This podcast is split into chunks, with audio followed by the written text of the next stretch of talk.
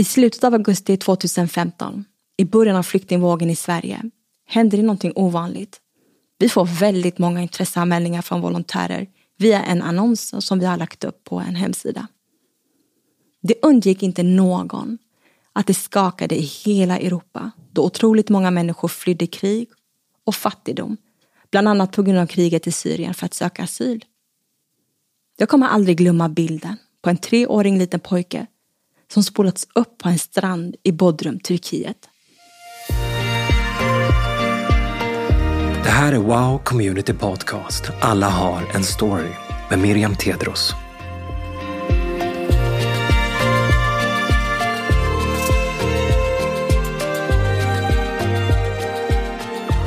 Där satt jag, trött på buss 639 och tittade ut från fönstret.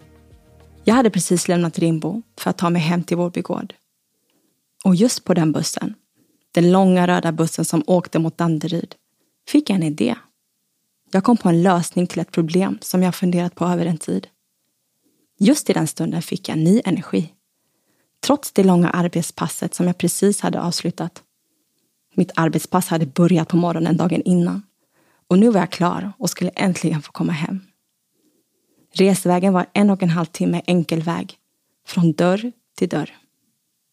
Men jag älskade mitt jobb. Jag hade alltid den där känslan av att jag såg fram emot att få gå till jobbet och möta dessa ungdomar som flytt krig från andra sidan världen och hamnat i lilla Rimbo. Det fanns såklart många utmaningar. Men oj vad roligt jag hade det tillsammans med mina kollegor och med ungdomarna. Jag jobbade på ett boende där åtta unga killar bodde. I ett rött, stort och fint hus nära Rimbo centrum. Jag hade härliga kollegor och det var oftast en väldigt bra stämning i huset. Mycket var nytt för mig. Men allt var nytt för dessa ensamkommande ungdomar. Mina arbetsuppgifter såg olika ut från dag till dag. Ena dagen visade jag hur en mikrovågsugn fungerade.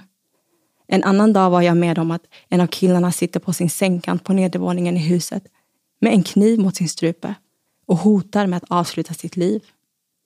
Och en helt annan dag får jag vara med om att en av killarna ser snö för första gången. Den chocken. Hur han försiktigt petar på det där vita och kalla som ligger på marken. Och jag förklarar att det heter snö på svenska. Vi skrattar och det slutar med ett snöbollskrig. I mitt arbete fick jag följa och se ungdomar gå igenom samma sak som mina föräldrar gick igenom. Mina föräldrar hade lämnat allt för att starta ett nytt liv på en ny plats. De flydde från olika platser. Min mamma från Eritrea och pappa från Etiopien. Men mot samma mål. Sverige. Ett land som betyder trygghet och frihet.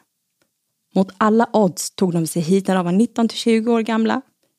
Lämnade sina föräldrar, syskon, släkt, vänner, skola, allt. De sa hej då till sina familjer tog sig till ett främmande plats, ovetandes om de skulle få se sina familjer igen. Idag har de levt i Sverige i 40 år. Mina föräldrar träffades i Uppsala. De gifte sig, fick två barn. De flyttade sen till Göteborg. Och den 9 januari 1986 föddes jag på Östra sjukhuset. Efter mig kom tre syskon till. Vi är alltså sex barn. Fem tjejer och en kille. Min bror kom sist. Familjens efterlängtade prins. Jag är nummer tre i skaran. Idag är jag 35 år. Gift med min underbara man i jobb och har tre barn. Felicia, Celine och lilla Elias. Jag träffade min man i Stockholm efter mitt första år på Södertörns högskola. Året var 2008. Jag var 22 år gammal och studerade internationella relationer med statsvetenskap som inriktning. Jag hade nämligen drömmar och mål om att ha ett internationellt jobb, bli ambassadör i ett varmt land, jobba för FN eller en internationell organisation. Min plan var att bo sex månader i Sverige och sex månader utomlands med start i oktober ungefär. Jag skulle fly kylan och må bra i värmen helt enkelt. Jag valde att flytta till Stockholm för att byta miljö och göra någonting nytt. Det var ju liksom coolt att få bo i huvudstaden. Men jag hade inga planer på att stanna kvar efter min examen. Och det gjorde jag väldigt tydligt för EOB. Ganska ofta faktiskt. Men han nickade och log varje gång, för han visste redan då att det inte skulle bli så.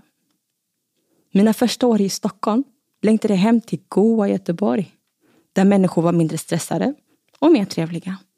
Min trygga plats. Men jag fastnade. Jag fastnade för e-jobb och för Stockholm. Med tiden kände jag mig mer hemma och fick ett nytt socialt nätverk och blev helt enkelt vuxen här. Idag är Stockholm i mitt hjärta, som man sjunger om i Allsång på Skansen. I min uppväxt fick jag lära mig om mina föräldrars rötter, kultur, språk och allt vad det innebär. Jag fick se hur de kämpade och gjorde allt för att vi skulle ha det bra. Jag har aldrig hört dem klaga, tvärtom. De älskar Sverige och är än idag tacksamma för att de fick en möjlighet att bygga sin framtid i detta vackra och avlånga land. Nu fick jag följa åtta unga killar som skulle bygga ett liv i det nya landet Sverige. Förväntningarna var många. De hade tagit sig hit levandes. Inte alls en självklarhet. De hade sett människor dö på vägen för friheten i Europa. För vissa av dem hade det tagit upp till sex månader att ta sig från Turkiet till Sverige. De hade sett och varit med om saker som ingen ska behöva vara med om. Nu var de äntligen framme. De hade lyckats. Och de hade nu sitt permanent uppehållstillstånd. De hade alltså fått det så de var redo att dö för. De lämnade sina hemländer med livet som insats. Vad skulle hända nu? Jag fick tidigt lära mig att dessa ungdomar inte endast fokuserade på sin egen framtid utan det fanns nu stora förväntningar på att de som tagit sig hit skulle hjälpa de som var kvar. Den bördan var stor. Den var för tung att bära för många av dem. Sverige var ju inte riktigt som de hade tänkt sig. Det var inte så enkelt som de hade hört att det skulle vara. Förväntningarna matchade inte med verkligheten. Och de fick dagligen samtal från sina familjer som ringde och frågade efter pengar och annat. Innan jag fick jobbet på HVB-hemmet visste jag inte ens att Rimbo existerade. Inte heller att det kom barn ensamma till Sverige. Trots att jag själv har föräldrar som flytt till Sverige när de var unga hade jag helt enkelt inte reflekterat över att de var så unga när de kom hit. Jag var 25 när jag började jobba där. Året innan jag fick jobbet på HVB-hemmet gick jag på bibelskolan som numera heter School of Lights. Jag började hösten 2010 och det var fantastiskt. Ett år där jag fick investera i mig själv genom att sitta och lyssna på undervisning om min tro. Amazing. Jag lärde mig så otroligt mycket. När jag började på bibelskolan hade jag precis avslutat mina studier på Södertörns högskola.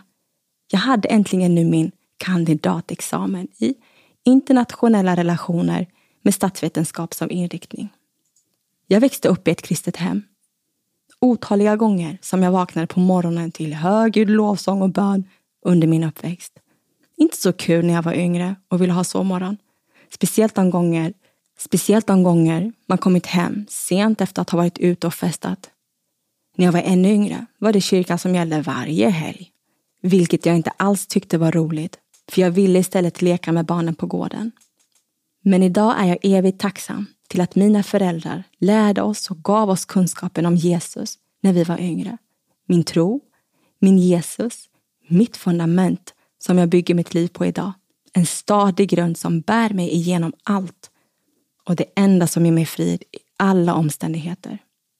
Efter två och ett halvt år i Stockholm kom jag till Södermalmskyrkan som nu heter We Are One Church. Min vän Anna Feneström tog mig dit. Vi hade vuxit upp i samma församling i Göteborg när vi var yngre och hon hade mer koll på Stockholm för hon flyttade innan mig. Från att ha festat och klubbat tillsammans nästan varje helg började vi gå regelbundet till kyrkan. Det var som att jag hittade hem igen. Kyrkan var ju mitt andra hem under min barndom och jag visste att det var den rätta platsen att vara på. Jag har alltid haft en tro. Jag har aldrig tvekat på att Gud finns, men under min ungdom levde jag inte ett liv som var i enlighet med de kristna värderingarna. Att jag var kristen var bara en av alla andra etiketter i mitt liv.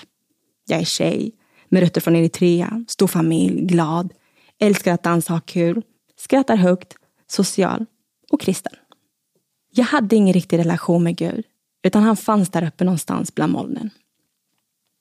Södermalmskyrkan hade tjej och killgrupper som träffades en gång i veckan. Jag följde med Anna som blivit tipsad om en specifik tjejgrupp. Det var hemma hos Linda Patring. Linda tog mig under sina vingar och drog mig närmare Jesus med sådan vishet och kärlek. Jag lärde mig att kristendomen inte är en religion, utan det handlar om en relation. Att Gud vill ha en relation med lilla mig. Att oavsett vad jag gjort och hur jag har levt så älskar han mig med en evig kärlek. Sakta men säkert plockade jag bort saker och ting i mitt liv som inte behagade honom. Hur jag talade och tänkte. Festandet, jag levde sambo, flyttade ut tio månader innan vi gifte oss. Hur jag prioriterade saker och ting i mitt liv. Ja, listan kan göras lång. Under den tiden skedde så mycket inom mig till det bättre. Och jag gick igenom en tid av förändring och mognad. Det var jag och Jesus till hundra procent. Det blev därför helt naturligt för mig att påbörja bibelskolan och lära mig mer om min tro. Det blev vår och vi började närma oss avslutningen på bibelskolan. Vad skulle jag hitta på nu? Vilka jobb skulle jag söka? Jag var smått förvirrad, men ändå spänd på vad som komma skall. Vad händer nu? Jag hade inga svar på den frågan, så jag var ihärdig med att fråga Gud varje dag. För jag visste verkligen inte vilket jobb jag skulle söka eller inom vilket område. Jag minns den stunden så väl. När jag fick svar på min fråga. Jag satt ensam på väg hem från bibelskolan. Steg på tunnelbanan mot Norsborg i Slussen. Tog en fönsterplats och den började åka. Jag minns hur jag ställde frågan inombords. Gud, vad ska jag göra? Vad ska jag jobba med? Svaret kom direkt. Jag får ett enda ord på mitt hjärta och det var flyktingbarn. Jag minns hur jag säger va? Jag blev paff, för jag visste inte vad det betydde. Vilket gjorde det ännu mer tydligt för mig att det inte var mina egna tankar. Vadå flyktingbarn?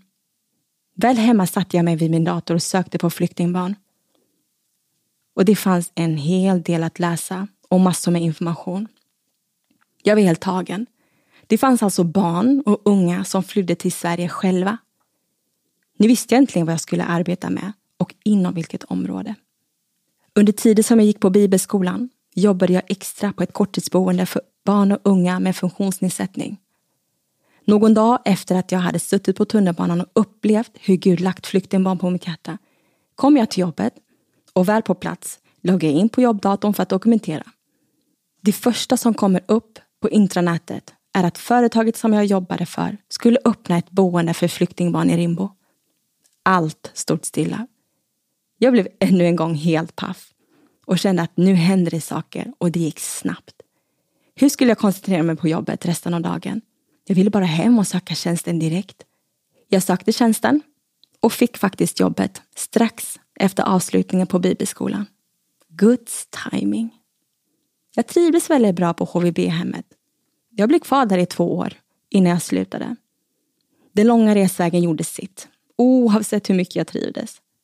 Jag hade lärt mig så mycket under dessa år. Kanske mest om mig själv. Jag såg en ny sida växa fram. En egenskap som jag inte riktigt kände igen. Det där med att vara lösningsfokuserad. Jag är säker på att den egenskapen slipades och blev så tydlig för mig då jag nästan varje dag skulle lösa problem, situationer och annat som ungdomarna var med om. Innan jag slutade mitt jobb var det mycket som hände på min arbetsplats. Mycket förändringar för ungdomarna. De fyllde 18 år och skulle flytta ut från boendet till egna lägenheter. Det var blandade känslor. Oro, samtidigt som det var spännande. För både ungdomarna och för personalen. Nu stod de inför en ny fas.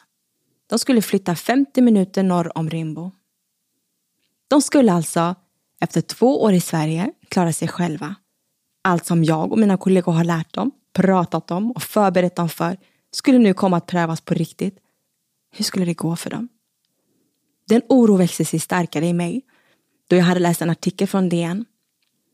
De hade gjort en studie om hur det hade gått för de alla 316 flyktingbarn som kommit ensamma till Sverige 2016 fram till 2012. Siffrorna visade på en stor problematik med deras etablering.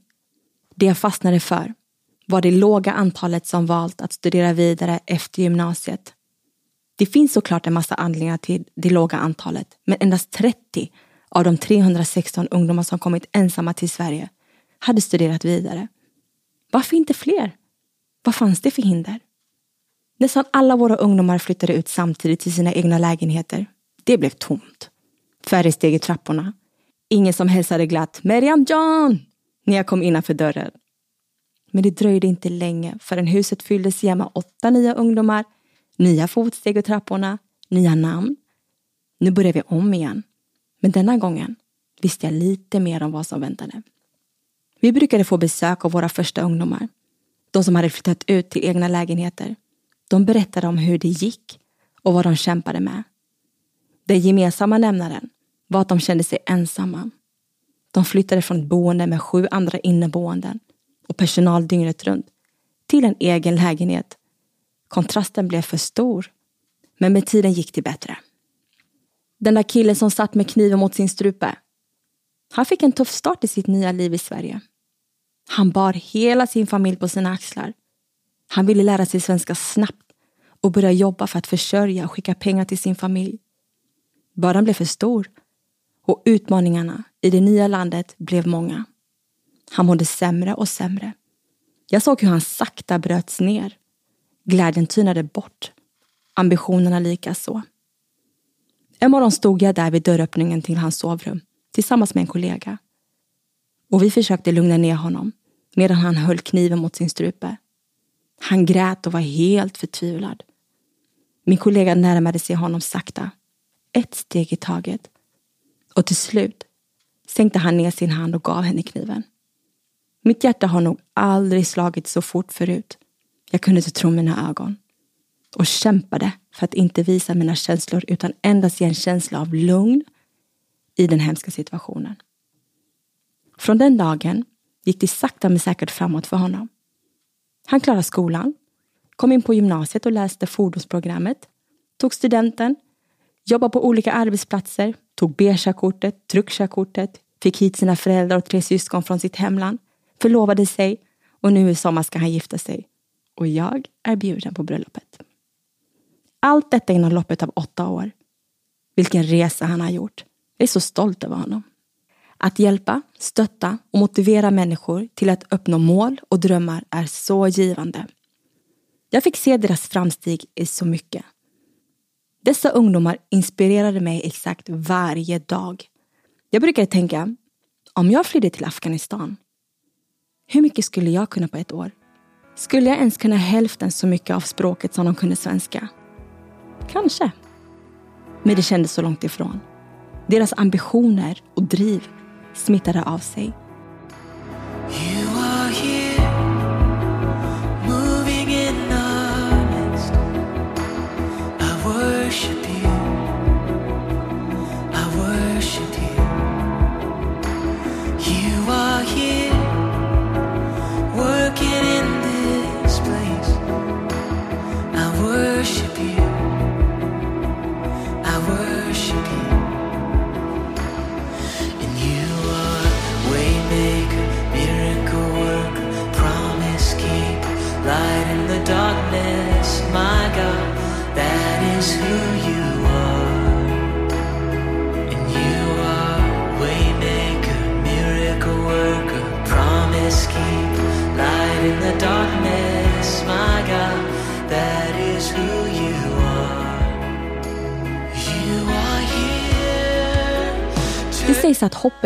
Sista som lämnar och jag fick se det på nära håll. För de ungdomar som hade flyttat ut från boendet blev behovet på hjälp med studier bara större och större med tiden. Vi som personal hade ju andra åtta individer att ta hand om. Och det första gänget som flyttat ut hade vi inget ansvar för längre. De behövde hitta andra vägar för att få hjälp. Men den hjälpen fanns inte. Artikeln från DN gjorde sig ständigt påminn. Hur skulle denna statistik vända om extra stöd och insatser inte fanns just för denna målgrupp? Min idé som jag fick på den röda långa bussen mot Danderyd föddes utifrån denna problematik. Brist på studiestöd och insatser för att främja nyanlända ungdomars etablering. Jag hade en idé som jag trodde starkt på. Jag ville starta en organisation som skulle bli en plats dit ensamkommande ungdomar skulle kunna komma för att få den hjälp och stöd de behövde för att uppnå sina mål och drömmar. Men först behövde jag ett litet team och en utförlig verksamhetsplan. Jag bokade in ett möte med min före detta kollega Bahare som fortfarande jobbade kvar på boendet. Jag bjöd även in Karin, som jag studerade tillsammans med på Södertörns högskola. Karin jobbade under den tiden på ett asylboende på Södermalm och hon var sugen på att höra mer om min idé. Det de båda har gemensamt är ett hjärta som slår för att hjälpa andra i behov. It's a dream team. Karin är även anledningen till att jag träffade min man i jobb. Det är en lång historia. Och hon var av den anledningen toastmadam på vårt bröllop. Hon såg till att alla gäster fick reda på hennes roll i hur vi träffades. Lite längre på kvällen ställer hon sig på scenen i sin gula vackra klänning, mikrofon i handen och inleder sitt tal med Hello, my name is Karin and it's because of me that we are gathered here today. Bästa Karin. Så där sitter vi alla tre på Waynes Coffee på Götgatan. De båda känner mig, men inte varandra. Men jag visste att vi skulle bli ett grymt team. Jag började med att berätta om vad jag har funderat över den senaste tiden och om behovet bland målgruppen. Vi sitter ett långt tag och pratar och pratar och pratar. Det blev ett grymt första möte och en början till någonting fantastiskt. Där och då blir starten för vår ideella organisation som heter Fånga framtiden tillsammans. Namnet beskriver allt som vi vill göra. Vi vill fånga upp och stötta ungdomar som är en del av Sveriges framtid. Och det vill vi göra tillsammans med olika aktörer, myndigheter och volontärer. Detta för att erbjuda individanpassad läxhjälp samt rådgivning och stöd för att främja målgruppens etablering i Sverige. Vi tänkte att det här kommer bli så bra. Kommuner kommer att haka på, vi kommer att få finansiering för att bygga upp en dunderverksamhet för dessa ensamkommande ungdomar. Vi knackade på alla dörrar som gick att knacka på. Vi mejlade och ringde runt. Satt på möte efter möte med vår powerpoint-presentation. Efter alla samtal och möten fick vi alltid samma svar. Fantastisk idé och initiativ. Behovet är verkligen stort. Men kommunen har inga pengar.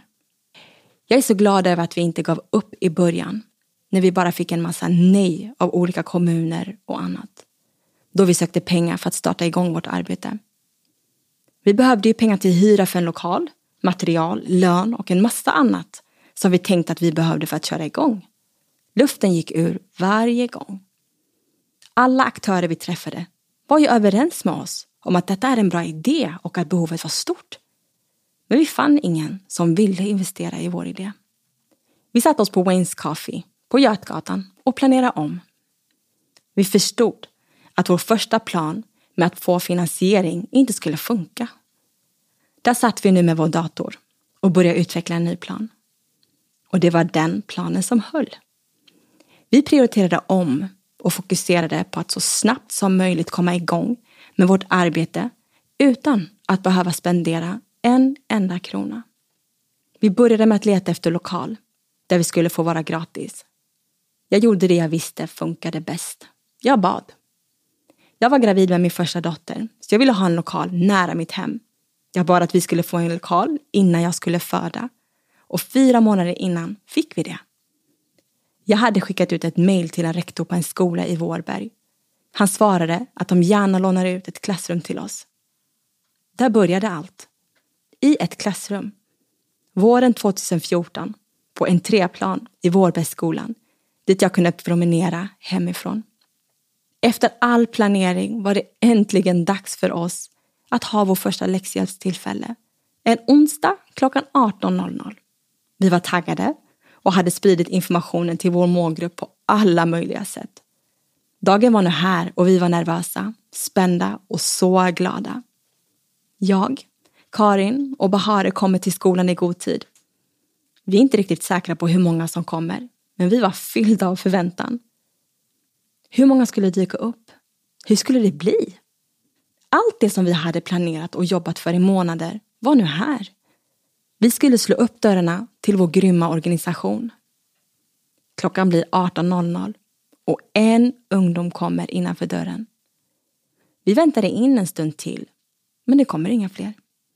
I den stunden var det som att tio ungdomar hade kommit. Vi var så glada över att minst en enda person hade hittat till oss.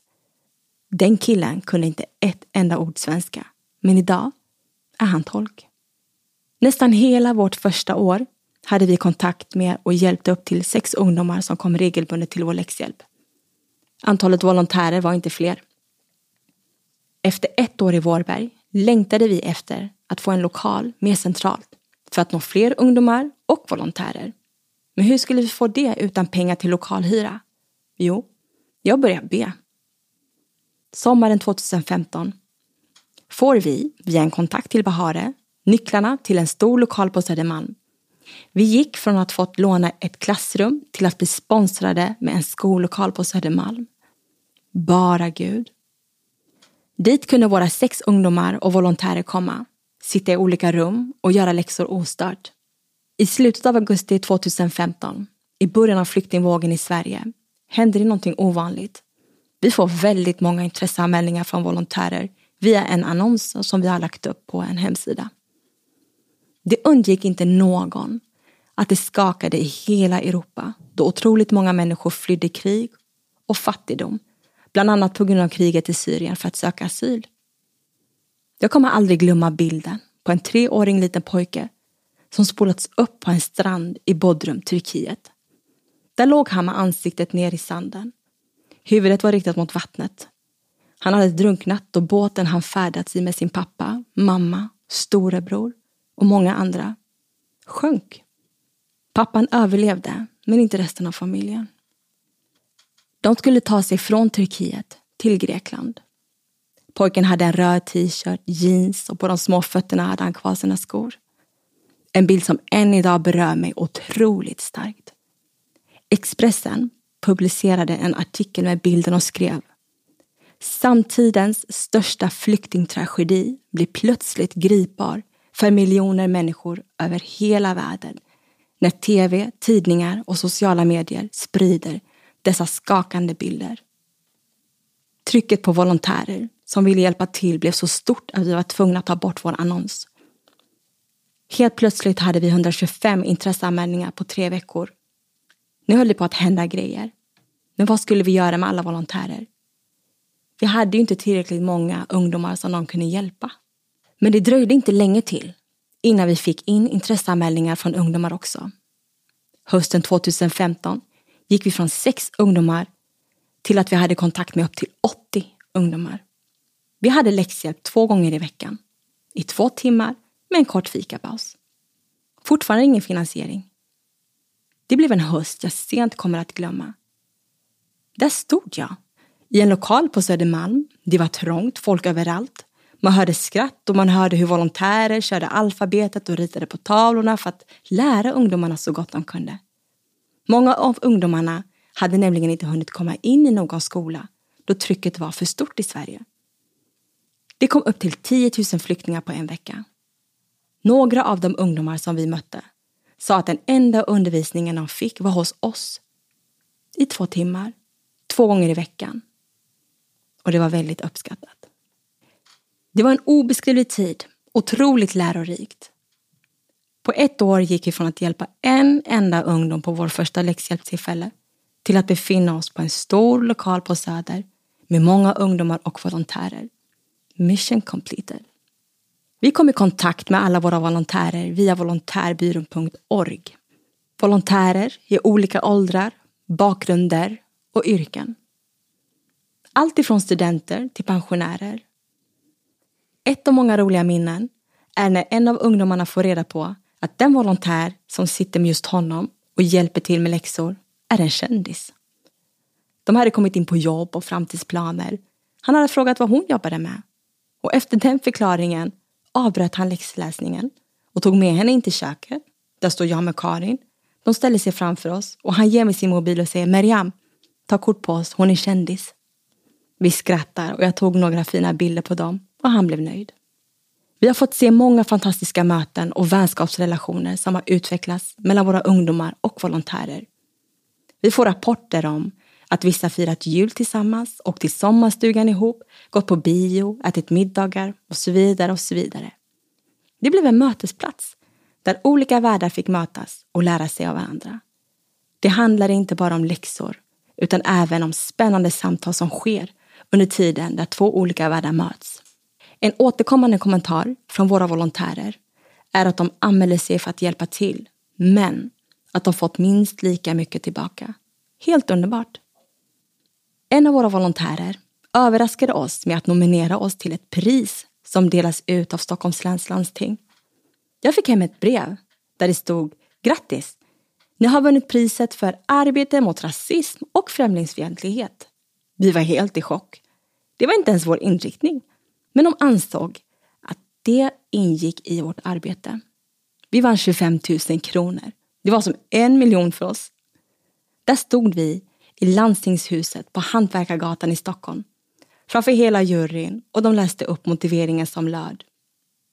Att ha en meningsfull sysselsättning och att etablera kontakt med vuxna som bryr sig om och att ha ett brett nätverk är den bästa vägen för integration.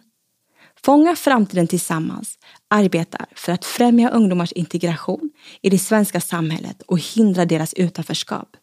Genom att hjälpa ungdomarna att bredda sitt kontaktnät främjar Fånga framtiden tillsammans ungdomarnas integration och erbjuder dem stöd till en självständig och självförsörjande framtid. Innan vi tog emot priset sa en av jurymedlemmarna att det var första gången som juryn var helt eniga om att ge priset till en nominerad organisation eller verksamhet. Första gången. Idén föddes på en röd, lång buss som var på väg från Rimbo till Danderyd. Där stod vi med bukett i handen och en gigantisk check där det stod 25 000 och ett diplom med en fin motivering. Tack Stockholms läns landsting. Vid den här tiden blev vi uppmuntrade och tänkte att det var dags att söka finansiering igen för att kunna fokusera helt på organisationen och för att alla tre skulle kunna jobba heltid med detta. Jag var mammaledig vid tillfället, men det hände något helt galet och väldigt roligt när jag satt med min man och två små tjejer och åt middag på Heron City i Kungens Kurva. Strax efter skulle jag handla fika till läxhjälpen som jag skulle iväg till lite senare. Jag loggar in på organisationens bankkonto för att se hur mycket vi har och ser att det står 300 kronor. Jag vänder min mobil till min man, pekar på summan och säger i tro. Denna summa ska multipliceras innan året är slut i Jesu namn. Min telefon börjar ringa och det är Bahare. Jag hann inte avsluta min mening, men jag svarar. Hon går direkt till saken. Hon förklarar att Daniel precis hade ringt henne. Daniel är VD för Magelungen som sponsrat oss med lokal på Södermalm sedan 2015. Han förklarar för Bahare att Magelungen vill avsätta 300 000 kronor för att vi under ett helt år ska kunna jobba och ta ut lön för vårt arbete med organisationen. Jag tappar nästan mobilen. Iob tittade konstigt på mig för min reaktion blev minst sagt starkt. Jag sa ju precis till honom att 300 kronor skulle multipliceras innan året är slut. Gud är så nära. Det slutade med att jag tar den tjänsten. Jobbade halvtid och fick betalt för att jobba för min organisation på Magelungens huvudkontor på Södermalm. Jag fick till och med ett eget kontor. Första dagen satt jag där och var helt amazed. Det var för galet helt enkelt. Där satt jag och jobbade på och jag kunde komma och gå när jag ville. En dag får jag för mig att mejla till dåvarande inrikesminister Anders Ygeman. Jag ville att han skulle komma och träffa våra volontärer som är eldsjälar. Jag skickar iväg ett mejl. Tänk inte så mycket på det. Tills jag får ett svar långt efter. I mejlet står det att Anders vill komma och besöka vår organisation. What?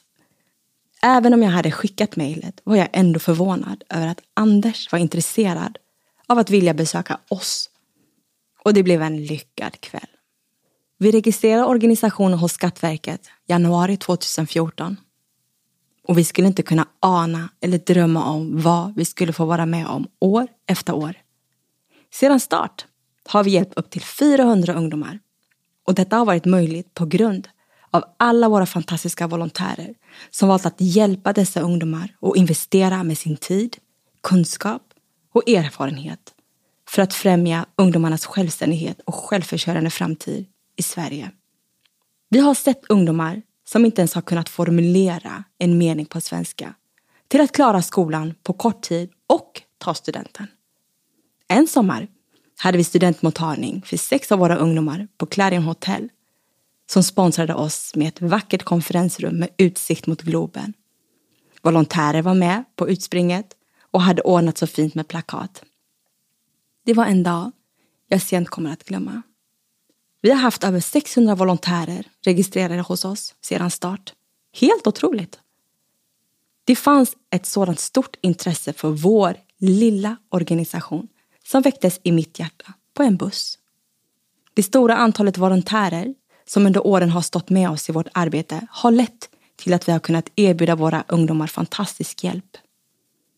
Vid varje läxhjälpstillfälle, som är på onsdagar, har en ungdom möjlighet till att få stöd och hjälp med sina studier av en egen volontär i två timmar.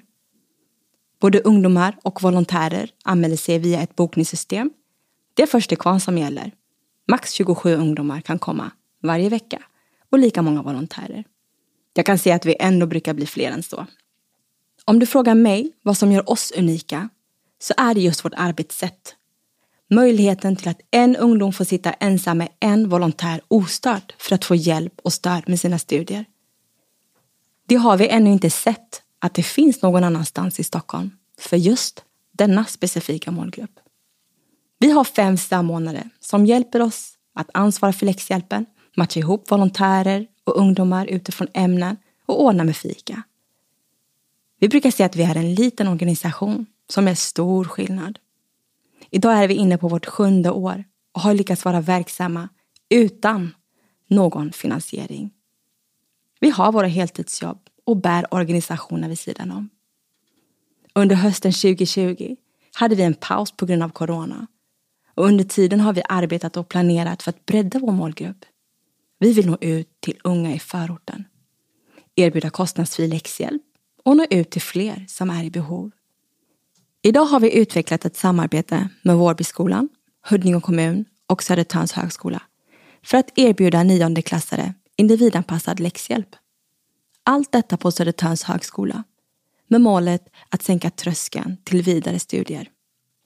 Enligt studier är Vårbygård den plats på hela röda linjen från Norsborg till Ropsten där boenden har minst antal med akademisk bakgrund. Min dröm är att förändra detta genom att tidigt introducera unga till högskolemiljön. Ett spännande samarbete som jag ser fram emot att utveckla. Ejob, min man. Vilken pelare och vilket stöd han har varit. Min bästa vän. Han uppmuntrade mig till att testa min idé. Han trodde på mig, stöttade och bad tillsammans med mig hela vägen. Han stod ut med att lyssna på alla mina galna idéer som kom längst med vägen. Och han sa bara, kör, testa. Du har inget att förlora. Han hjälpte mig att våga. Jag är så otroligt tacksam för allt stöd och vishet som han delat med sig längs med vägen tills idag. Han är helt enkelt bäst. Fånga framtiden tillsammans har ett citat som vi tycker representerar vårt arbete. Och det lyder så här. Framtiden är en tid i livet som går att påverka. Det som har varit har varit. Men här och nu kan jag sätta nya mål, sträcka mig längre och göra det som behövs för att uppnå just de mål och drömmar som jag bär på i mitt hjärta. Tillsammans med Gud är allting möjligt och jag är glad att jag vågade tro på idén. Att jag inte stannade upp när det blev svårt utan istället hittade nya vägar. På en gudstjänst för ungdomar en fredagkväll för många år sedan fick jag höra någonting som grep tag i mitt hjärta. Det var pastor Martin Levan som predikade. Och mitt i allt så sa han en mening som jag har hållit fast vid. Han sa, hur vet du att en dröm är från Gud? Jo, om den handlar om andra människor. Det har blivit som en kompass för mig. Jesus säger, be så ska du få. Sök så ska du finna. Bulta och dörren ska öppnas. Vad bär du på för dröm i ditt hjärta? Fäst din blick på Jesus och kör bara.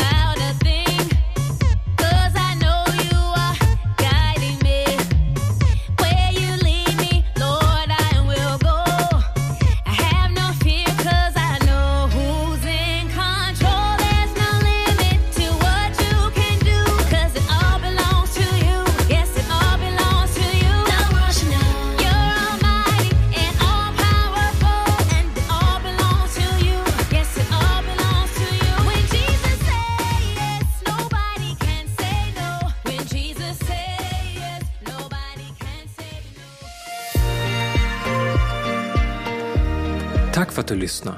Det här var Alla har en story med Miriam Tedros.